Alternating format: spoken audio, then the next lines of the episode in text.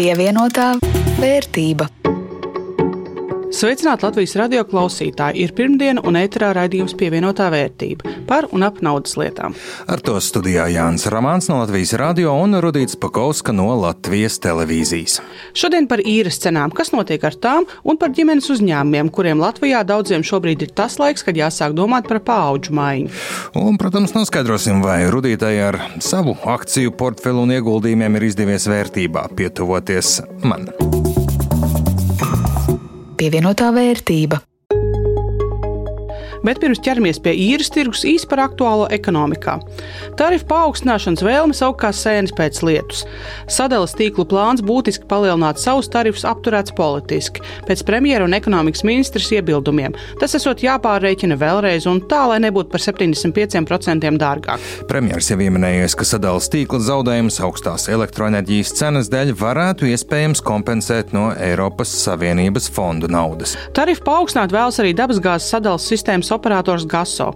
Tā regulātoram iesniegtais projekts paredz aptuveni vidēji nu, 25% pieaugumu, bet kāds mēdz būt ar gāzes tarifiem, vidējais pasaka visai maz, jo atkarībā no patēriņa pieslēguma dažiem jaunais tarifs nozīmēs maksāt divas vai pat trīs reizes vairāk un līdz ar energoresursu cenu krīzi izmaksas un cenas aug arī citās nozarēs. Latvijas rūpniecībā vidējais ražotāja cenu līmenis šī gada oktobrī, salīdzinot ar pagājušā gada attiecīgo periodu, palielinājies par 32,3%. Tā liecina centrālās statistikas pārvaldes dati. Un šajos datos, kā tāds īlēns no mājas, lien ārā tas, ka vietējā tirgū cenas paaugstināt ir stipri vieglāk. Latvijā pārdotajam cenas gada laikā augšup vidēji par 56,3%, bet eksportētājai produkcijai tikai par 11,8%. Visā cenu un tarifu kāpuma gūzmā pozitīvas iezīmes degvielas tirgu sekojot naftas cenu kritumam pasaules biržā. Arī pie mums degvielas cenas sarūk. Brīvdienās dārgākais benzīns bija nopērkams Tallinā, tad sekoja Rīga, bet lētākais Viļņā. Pie mums 95. markas degviela maksā ap eiro 73 litrā, dīzelis ap eiro 83. No Latvijā esošiem uzņēmumiem, kur iesniedz gada pārskats, 45 2021. gadu ir noslēguši ar zaudējumiem. Tā liecina kompānijas Lursoft apkopotie dati. Kopā tie zaudējuši 1,4 miljardus eiro. Īpaši šajā zaudējumu kompānijā izceļas līdzsabiedrība Air Baltica. Tās zaudējumi 133,6 miljoni eiro. Tuvākais sekotājs ar vairāk nekā divas reizes mazākiem zaudējumiem ir Sijā Lidl. Latvijā tā zaudējumi bija 53,36 miljoni eiro apmērā, bet te jāatceras, ka tas ir gads, kurā Lidl ienāk Latvijas tirgū, ceļ veikals, veido savu tīklu un īsti vēl neko nepelna. Karstākā tendence ir tirgu Mājokļu piedāvājums krietni pārsniedz pieprasījumu, jeb citiem vārdiem sakot, īrniekiem ir plaša izvēles iespēja. Tas ir pretēji tai situācijai, kas īres tirgo valdīja vasaras izskaņā un rudens sākumā, kad īres mājokļi tika izķerti kā karsti pīrādziņi tikko no krāsnes. Uguni īres tirgumu toreiz piešķīla gan studenti, kuri gadus šajā periodā īres tirgu uzkurina, gan arī Ukraiņas iedzīvotāji, kuri Latvijā ieradās meklējot patvērumu no kara. Bet kādēļ tieši tagad īres tirgu piedāvājums kļūst bagātīgāks un un kā īres cenas ietekmē pieaugušās komunālo pakalpojumu izmaksas, to visu skaidroja Linda Zalāna. Piedāvājumi ir kā mazliet vairāk nekā pieprasījumi. Ja mēs vasarā varējām novērot, ka pieprasījums ir liels un, un nav gandrīz nekā, ko piedāvāt, tad šobrīd jau tā tendence ir mainījusies. Nekustamo īpašumu aģentūras Latio mājokļu tirzniecības nodaļas vadītāja Evija Dzenīte stāsta, ka to ietekmē trīs faktori. Pirmkārt, studenti ir atraduši mājvietu un vairs tik aktīvi kā vasaras izskaņā īres dzīvokļu tirgu kustības nerada. Otrakārt, arī Ukrainas bēgļu skaits Latvijā ir samazinājies. Daudz ir aizbraukuši vai arī tie, kas ir atraduši īres dzīvokļus, tad šobrīd vēl dzīvo tajos dzīvokļos. Un trešais variants, protams, ir tā nenoteiktība pārdošanas tirgu. Teiksim, ka īpašnieki nevar saprast, ko ar tiem īpašumiem darīt, varbūt kas bijuši jau ilgāku laiku tirgošanā, bet nu šobrīd nav pircēji, tad tie, tie ir izlikti uz īri pa ziemu, nu, lai vismaz kaut kā sektu tos komunālos maksājumus. Ir jauni spēlētāji, jā. Arī Oberhaus Real Estate Latvija dzīvojamo nekustamo īpašumu departamenta vadītājs Andis Bīriņš uzsver, īres tirgu šobrīd parādījušies jauni spēlētāji, kas piedāvājumu klāstu bagātina. Daļa no tiem ir tādi, kuri saprot, ka šobrīd ir grūti nekustamo īpašumu pārdot, bet ne tikai. Lielākā daļa varbūt ir tāda, kuri šos dzīvokļus turēja vienkārši tukšus. Nu, varbūt strādā ārsts un līdz ar to ir īpašumi, kuri ņemot vērā, ka algas pietiekami labas ārzemēs strādājot, nevajadzēja obligāti izīrēt, jo, nu, finanses bija pietiekams, lai turētu neizīrēt to dzīvokli. Šobrīd baidoties, nu, ka tas sloks būs diezgan liels, no komunāla maksājuma rēķina puses, no viņi ir izlēmuši par labu izīrēt.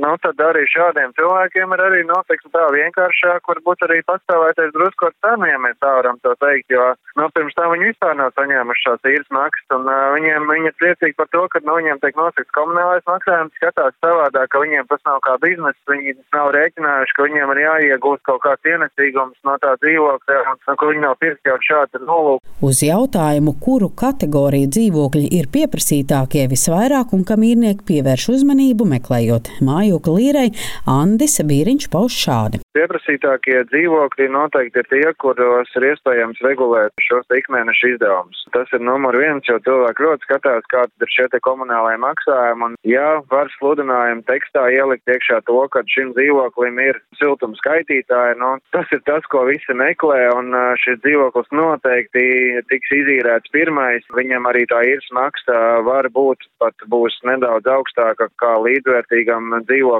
tai pašā rajonā un varbūt arī sērijā. Bet kā ar cenu? Kādā cenu kategorijā dzīvokļus meklē visvairāk? No iejošie, protams, ka vienmēr ir 300, 400, 500, 600 atkarībā no istabas skaita. Ja šādā kategorijā var iegūt dzīvokli jaunā projektā, nu, tad tas ir numur viens, uz ko skatās. Ja mēs runājam par apjomu, kur vislielākais darījuma apjoms noteikti, nu, tad noteikti arī nu, tas ir ar sērijveida dzīvokļiem.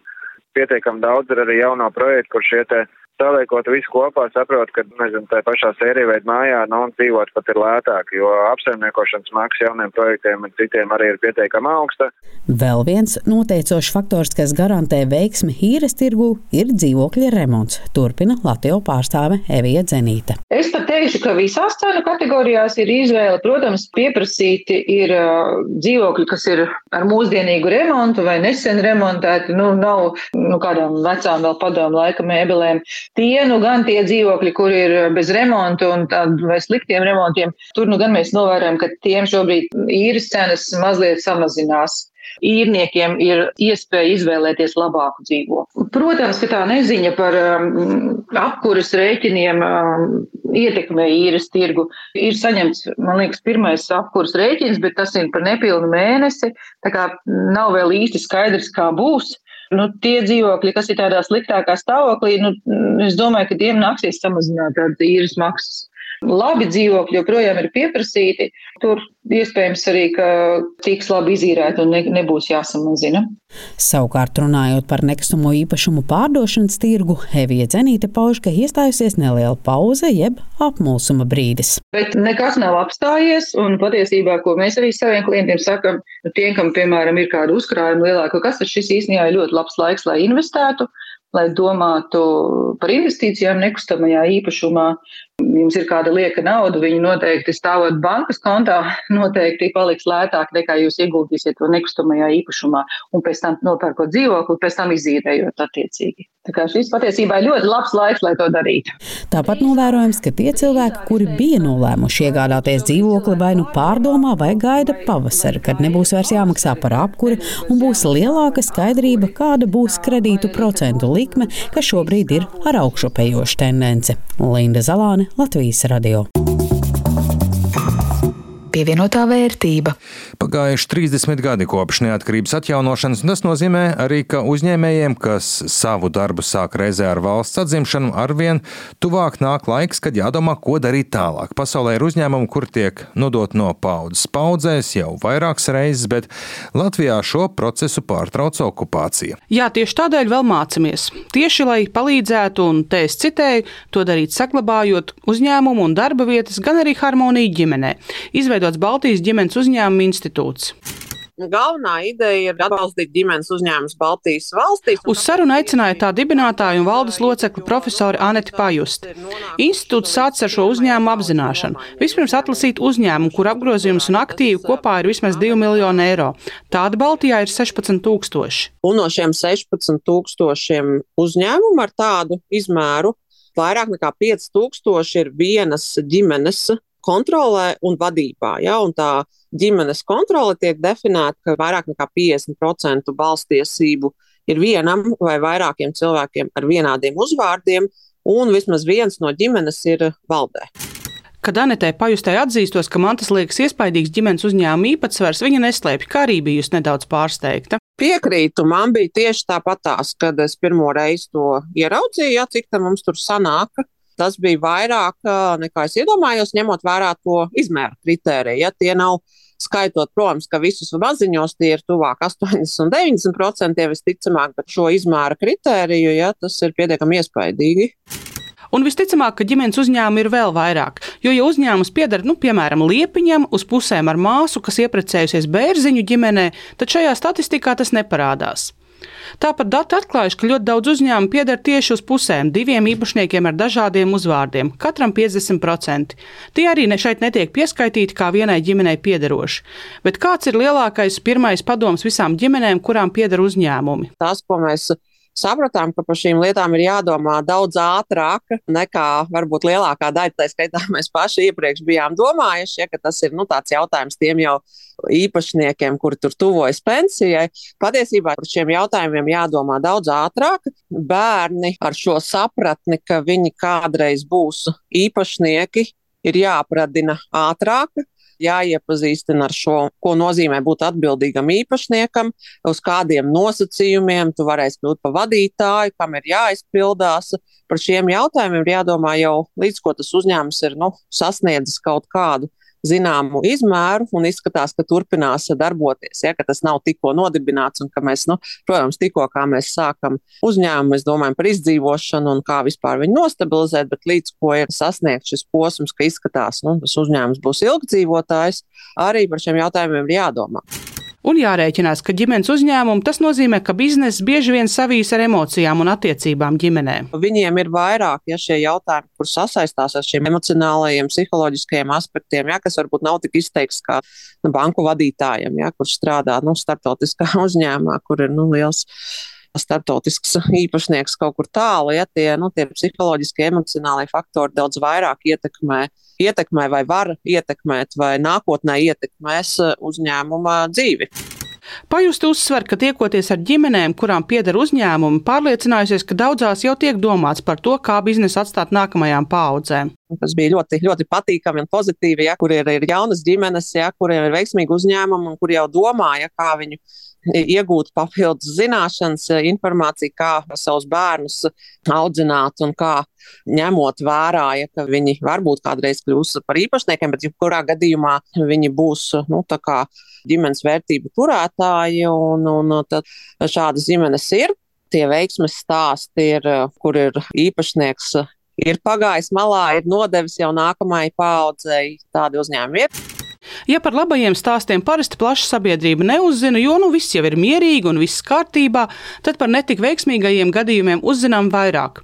Un tie parāda, lai kā mēs gribētu izvairīties, dzīvē notiek arī sliktas un negaidītas lietas. Protams, arī mēs esam dzirdējuši otru pusi, ja ir droši vien online farm gadījums un pieredze dzirdēta, ja, kur, diemžēl, uzņēmuma īpašnieks nomira pāragri un tad sākās mantinieku cīņas, ja, kas, nu, protams, uzņēmumu ietekmē uzņēmuma darbību mēs gribētu uzņēmumus izglītot un palīdzēt viņiem pēc iespējas izvairīties no šīm situācijām. Protams, ka notiek visādas lietas dzīvē, bet nu, ir sakārtots process, ir zināms, kas notiek šādās krīzes situācijās, un uzņēmuma darbība netiek tik ļoti ietekmēta un traumēta šajos gadījumos. Mantošanas brīdis, ja nav iepriekš izrunāts un sakārtot dokumenti nebaltai dienai, var apdraudēt uzņēmumu tālāko darbību, uzsver ģimenes uzņēmuma institūtā.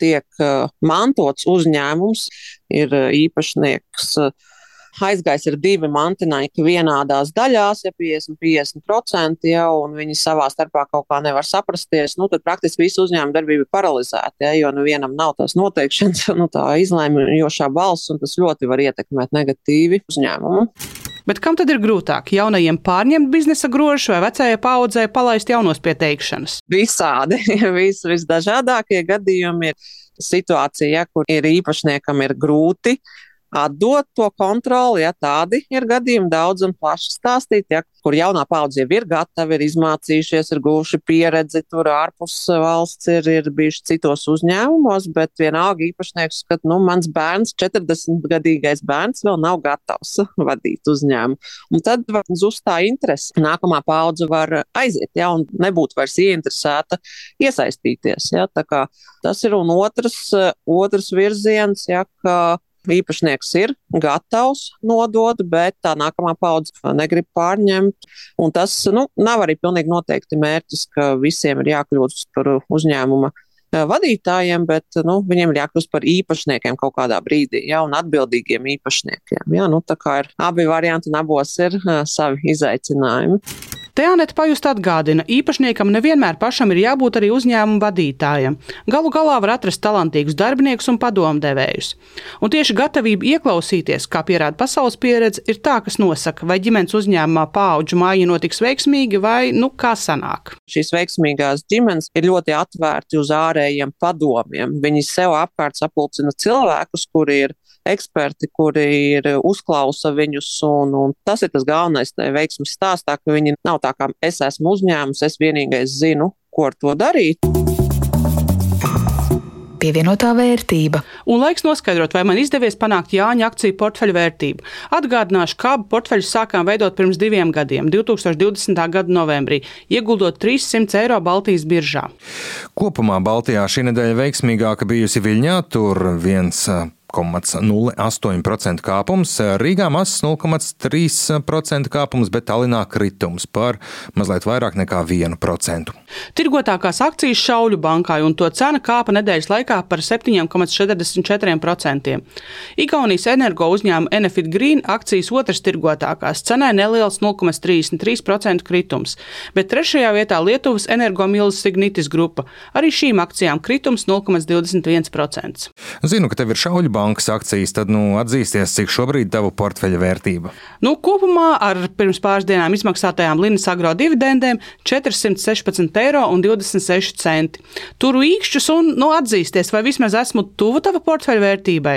Nu, pirms atklāju šo intrigu, atgādināšu tiem, kas kādu laiku pievienoto vērtību nav klausījušies vai paturējuši prātā, kā tad mums iet. Tad pirmo gadu manam portfelim klājās stipri labāk nekā rudīts. Man ieguldījuma vērtība vienā brīdī jau bija tuvu 500 eiro, bet Otrajā ieguldījuma gadā līdz ar Krievijas iebrukumu Ukrainā pēc pandēmijas problēmām ekonomikā mūsu abu portfeļu vērtība ruka, kā jau teju, visu akciju tirgus pasaulē. Tad, nu, Kas ir tuvu, kas tālu, par to var padiskutēt, bet esmu zaudējis vairāk nekā rudīta pēdējā gada laikā. Tomēr vēl joprojām esmu priekšā kopējā portfeļa vērtība ir 441,73 eiro, un 12 eiro no tiem stāv pagaidām bez darba, nekur neieguldīti.